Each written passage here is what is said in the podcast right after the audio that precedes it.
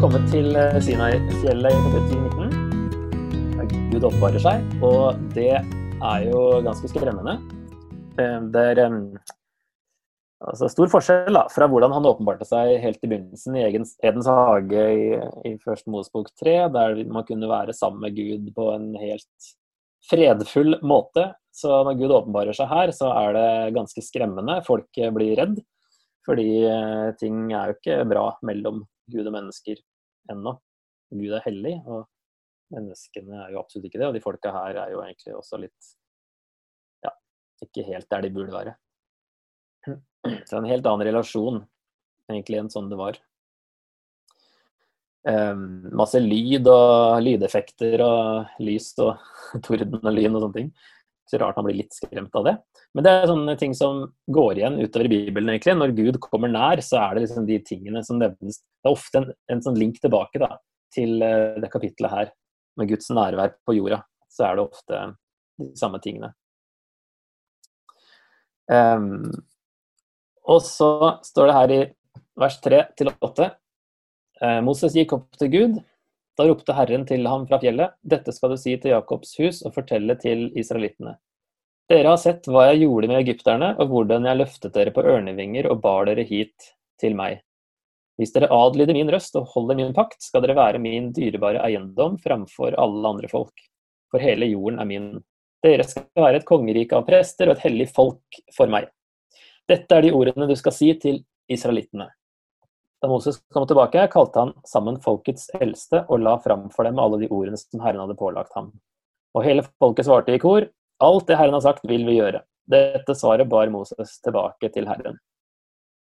Det som er interessant å se her, da, er at eh, det er fortsatt eh, nåden som kommer først her. Gud har redda dem først, uten at eh, de har gjort seg noe som helst fortjent til det.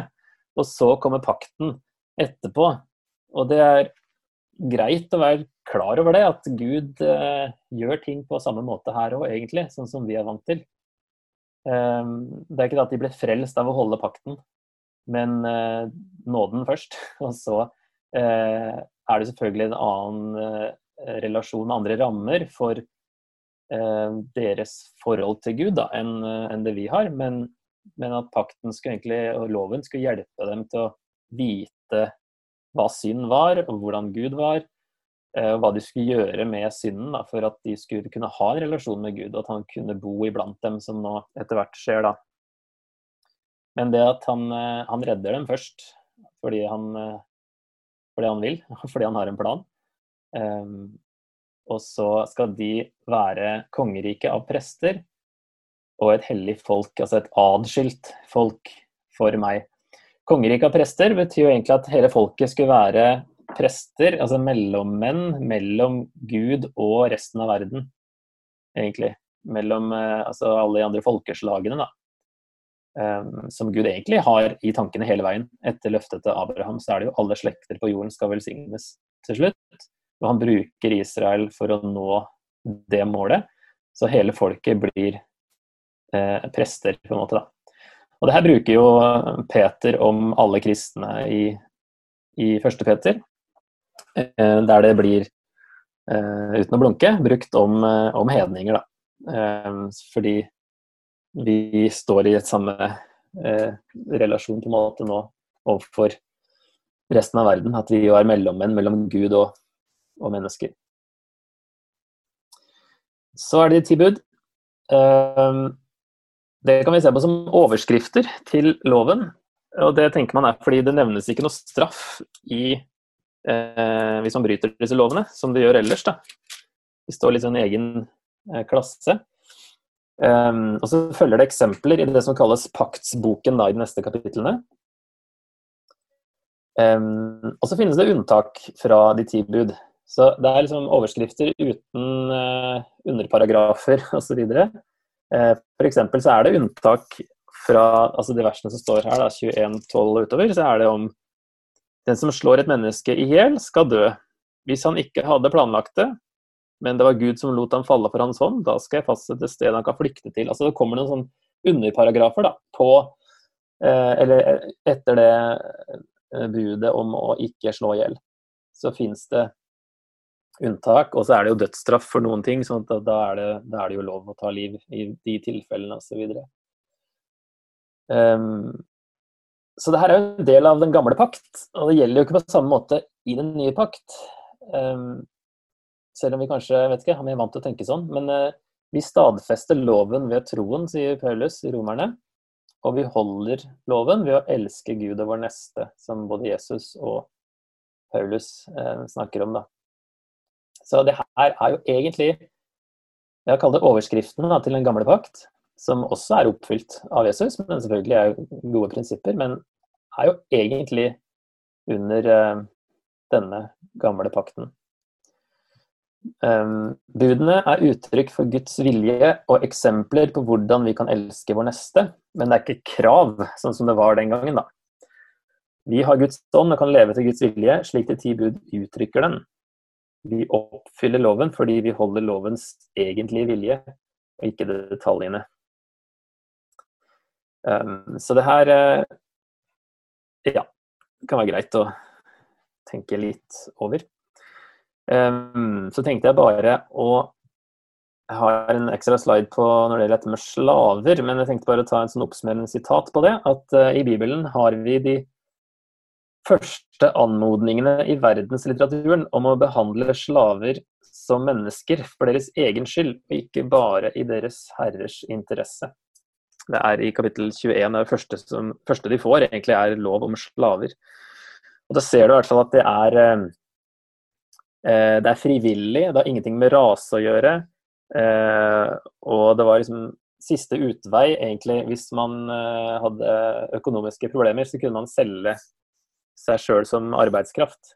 Så det er liksom en helt annen type slaveri, egentlig, enn det vi tenker på. Altså, slaveriet i Moseloven er bedre enn slaveriet i Det nye testamentet som er bedre enn slaveriet på 1800-tallet med slavehandelen fra Afrika. Det er den vi har assosiasjoner til. Den er jo verre enn både det i Nytestamentet og i Gammeltestamentet. Så det her er faktisk, eh, som det sitatet her sier, altså, så er det ganske revolusjonerende, egentlig, de lovene de får om slavene her. Så er det jo ikke et eget ord for slave heller, det er egentlig bare samme ordet for tjener. Og det var jo til tider en hedersbetegnelse. Eh, har vi funnet noe arkeologi på. At uh, det var noen sånne amuletter et eller annet, og en som var stolt av å kalle seg for en landstjener. I hvert fall tolkningen. Så kan være greit å ta med seg i farten. Så inngår de en uh, pakt i slutten av kapittel 24. Um, de går opp, altså Moses og Aron og sønnene til Aron og 70 av Israels eldste, står det i 24.1, går opp til Gud på fjellet. Og så har de et sånt uh, måltid med Gud der. Og uh, inngår da en pakt på vegne av folket. Uh, og så kapittel 25 så begynner da innsamlingen til å lage dette teltet telthelligdommen. I 25,8 så står det La dem reise en helligdom for meg, så vil jeg bo midt iblant dem. Så Det er poenget. Gud vil bo blant dem, uh, så han må ha en bolig. Moses får se inn i eh, himmelen, på en måte, og lager da en jordisk eh, modell. der Gud faktisk toucher jorda, da. Der er eh, den Gud som egentlig eh, er altfor mektig og stor til det, men han, eh, han velger Han vil, vil, gjerne bo i, blant folket sitt, og, og, de får da mange instruksjoner på hvordan det her skal gjøres.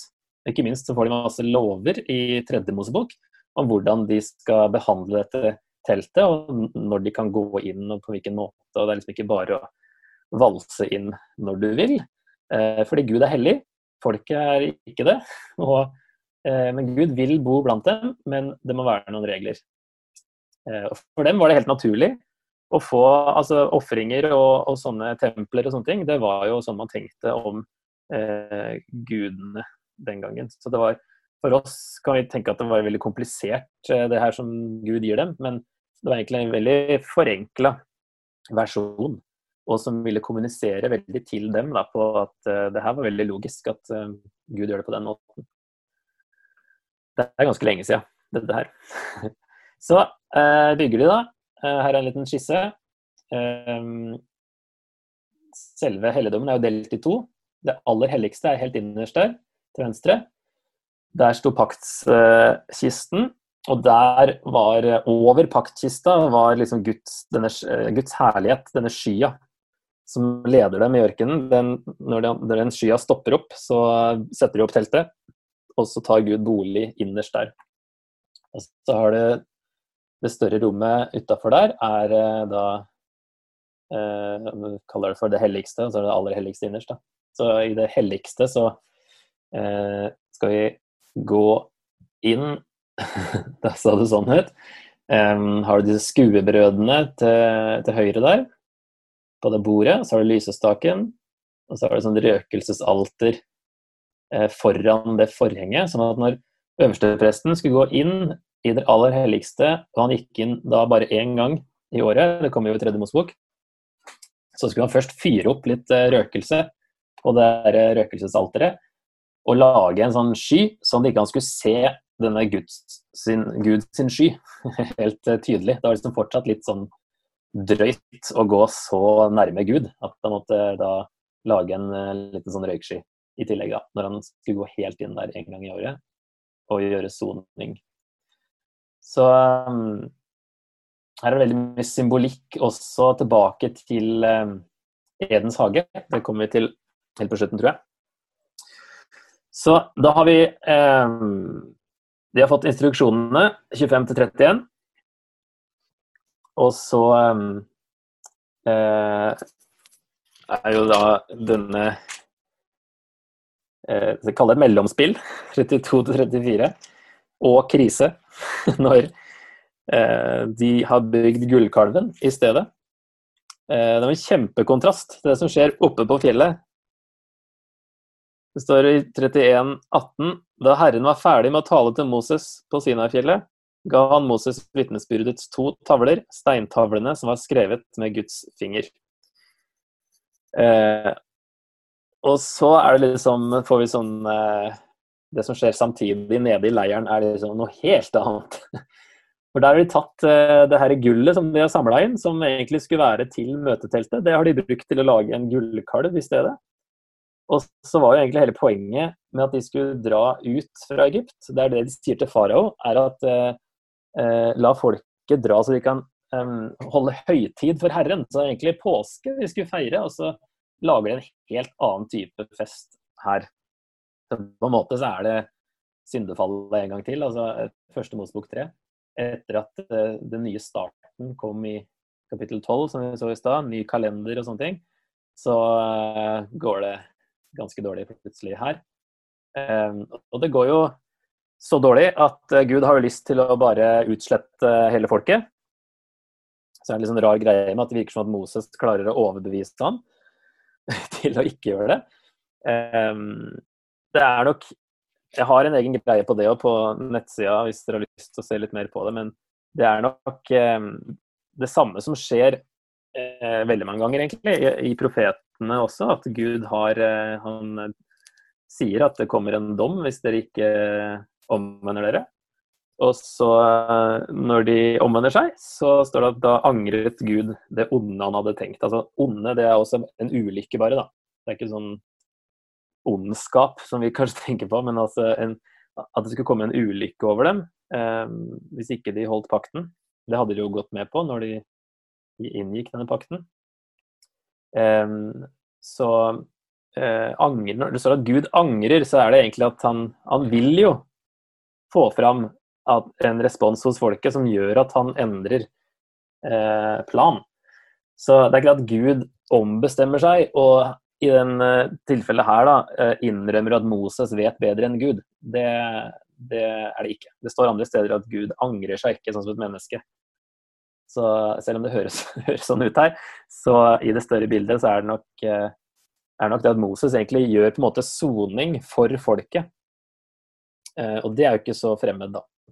Som gjør at Gud OK, greit, du avverga dommen for denne gang, eh, og så går det seg til etter hvert. Men en stund så er det Det står i, kapittel 33 at i vers 7 Moses pleide å ta teltet og slå det opp et godt stykke utenfor leiren. Han kalte det telthelligdommen. Så han, Moses lager seg sitt eget telt. Han, det står egentlig at han slo det opp for seg, står det på hebraisk. Så jeg er ikke tatt med de små orda her i denne oversettelsen. Eh, mest for seg selv, og borte fra folket, kanskje. Eh, selv om alle kan, alle kan, søke råd hos Herren, står det. Da gikk de ut til teltet utenfor leiren. Um, og så går det faktisk eh, mellom kapittel 19, når Gud viser seg på fjellet, og kapittel 40, når de er ferdig med å bygge teltet, så går det ti måneder. Så det her er det plutselig sånn Det er litt krise. Har de ødelagt alt? Eh, det er litt sånn spennende her. Hva kommer Gud til å bestemme seg for? Så en god stund så har Moses et eget telt som han går til, der han eh, snakker med Gud. Eh, og folket kan liksom søke råd, de også, da. Men så rammes det her mellomspillet her rammes inn av eh, Det er en sånn ting som han forfatteren gjør flere ganger, egentlig. Han henter opp igjen noe som er sagt før, for å liksom lage en ramme rundt et sånt mellomspill eller sånn, et avsnitt. Sånn at eh, 35 1 og 2 så, så står det om sabbaten. Eh, Moses samlet hele Israels menighet og sa til dem dette er det Herren har befalt dere å gjøre. I seks dager kan det arbeides, men den sjuende dagen skal være hellig for dere. Den skal være en sabbat, en hviledag for Herren. Um, og det er det siste som står før gullkalven nå. står det i kapittel 31, um, uh, vers uh, 16. Ja, eller nei, skal jeg se 14 og 15 egentlig, hele avsnittet der, ja. Så står det dere skal holde sabbaten 14. Den skal være hellig for dere. Den som vanhelliger sabbaten skal dø. Enhver som gjør noe arbeid på den, skal støvsuge folket sitt. Så henter opp igjen der, der, de slapp, på en måte. Vi snakka om sabbaten rett før gullkalven. Og så er det en liten sånn herre OK, tilbake dit. Nå, OK, dette er krisegreiene. Det, nå er det tilgitt og, og glemt. Eh, det holdt på å gå skikkelig dårlig. Eh, men eh, så er det en sånn liten sånn uh, Gjentar nesten ordrett av noen vers fra tidligere. Som viser at ok, nå fortsetter vi der vi var. Vi var egentlig i kapittel 31. Liksom. Selv om det var eh, alvorlige ting da, som skjedde mellom her. Men på en måte så får vi et avbrekk da, før de her detaljene kommer en gang til. Så det er jo litt lettere lesning, på en måte. Selv om det ikke var noe lettere ting som skjedde. Um, ting som da eh, peker tilbake til første Mosebok 1-3, og Edens hage og Guds nærvær, er jo eh, kjeruber nevnes. Eh, det er jo også engler, eh, de som er oppå, oppå paktkista. Eh, hvis det er det verset jeg har tatt med her. Ja. Eh, soningsstedet mellom de to kjerubene som er over kisten med vitnesbyrdet. Der er liksom soningsstedet. Oppå lokket på paktkista mellom de to englene, figurene da, på lokket. Og så står det også at det er en kjerub som voktet Edens hage da, når de har blitt eh, sendt ut derfra i første Mosebok 3. Eh, både Edens hage og eh, telthelligdommen her har inngang fra øst. Det har også tempelet senere, så det er en greie. Det er alltid inngang fra øst så står det at Herren sa til Moses, står det sju ganger i eh, disse kapitlene her. Og det var jo sju dager som Gud skapte på i første Mosebok 1. Og den sjuende gangen han taler til Moses her, så er det om å hvile på sabbaten. Og det er jo den sjuende dagen i første Mosebok. Um, men den sjuende dagen hvilte han og pustet rolig ut, står det da. Og i første Mosebok 2, den sjuende dagen, hvilte han fra hele det arbeidet han hadde gjort. Prestevigselen varte også i sju dager. Her er det Aron som blir eh, øverste prest. Det, eh, det sjutallet dukker opp der òg. Og så Guds ånd nevnes Det er bare nevnt eh, her eh, siden første Mosebok 1-2, altså det andre verset i Bibelen, der Guds ånd svevde over vannet, så er ikke Guds ånd nevnt før her, når Gud eh, vil gi eh, 31-3, ja. Skal vi se. Jeg har fylt ham, altså Besalel, jeg har fylt ham med Guds ånd, med visdom og innsikt med kunnskap og dyktighet i alle slags håndverk. Han som skulle være med å bygge tingene her, han ble fylt av Guds ånd. Det er vel ett sted eh, at farao i Josef-historien eh, sier om Josef at eh, Guds ånd er i han. Det kan også oversettes gudenes ånd. Eh, men det er jo for så av farao ikke av eh, en forfatter eller av Gud. Så det er muligens en liten der, eller så er det bare ja, Det virker som det òg er et uh, hint tilbake da, til første Mosebok 1. Så her, um, ja, og Lysestaken er jo ofte tenkt på som uh, livets tre. Som et tre med, med, greiner. Så har vi noen flere paralleller her òg. Så var himmelen og jorden fullført, står det i første Mosebok 2.1. Og her står det da slik ble alt arbeidet på boligen til fullført. Gud velsignet dem, Første 1. Moses velsignet dem, står det her. Gud så på alt det han hadde gjort, og se, det var svært godt. Moses så på alt det som var gjort, og se, de hadde gjort det slik Herren hadde befalt. Den sjuende dagen fullførte Gud det arbeidet han hadde gjort.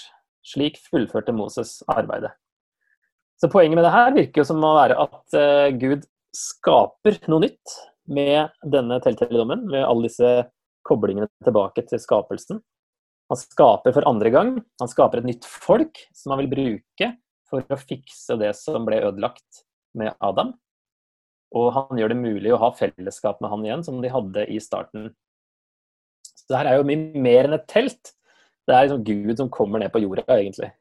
Siste avsnittet så står det så dekket, altså fra vers 34, eh, så dekket skyen telthelligdommen, og Herrens herlighet fylte boligen denne skya altså kommer ned. Moses kunne ikke gå inn i telthelligdommen fordi skyen hadde tatt bolig over den, og Herrens herlighet fylte boligen.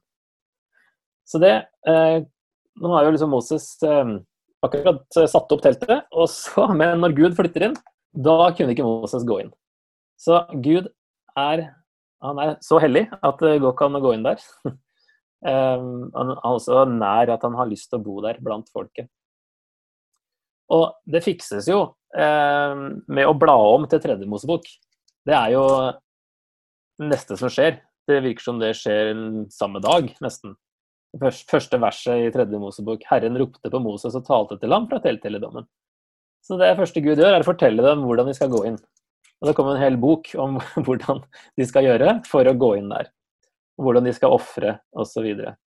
Så, men her er han for nær, egentlig, eller for hellig i hvert fall, da, til at Moses kan gå inn. Um, så den slutten der er jo egentlig veldig uh, interessant. At det, det, det, slutter på en liten sånn uh, Å uh, ja, det var et lite problem. Hva gjør vi med det? Men uh, heldigvis så har vi tredje Mosebok, selv om det kanskje ikke er den vi leser mest. Men der forklarer Gud hvordan vi skal kunne ha en relasjon med han. Da. Så da hadde jeg til slutt noen spørsmål, men det får de bare ta med dere ut eh, herfra.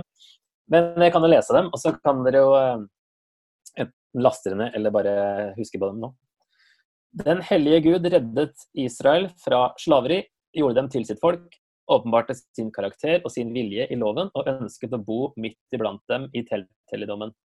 Målet med dette var at den samme hellige Gud ville redde deg fra syndens slaveri, gjøre deg til sitt barn, åpenbare seg og sin vilje i Jesus og bo i deg. Hva er din respons til dette i lys av andre Mosebok? Er det blitt annerledes å tenke på det? Og så to litt sånn generelle spørsmål. Hva har du lært om Guds karakter i denne boka? Og hvordan er vi like israelittene i andre Mosebok, på hvordan er vi ulike? Det kan jo være litt interessant å tenke på.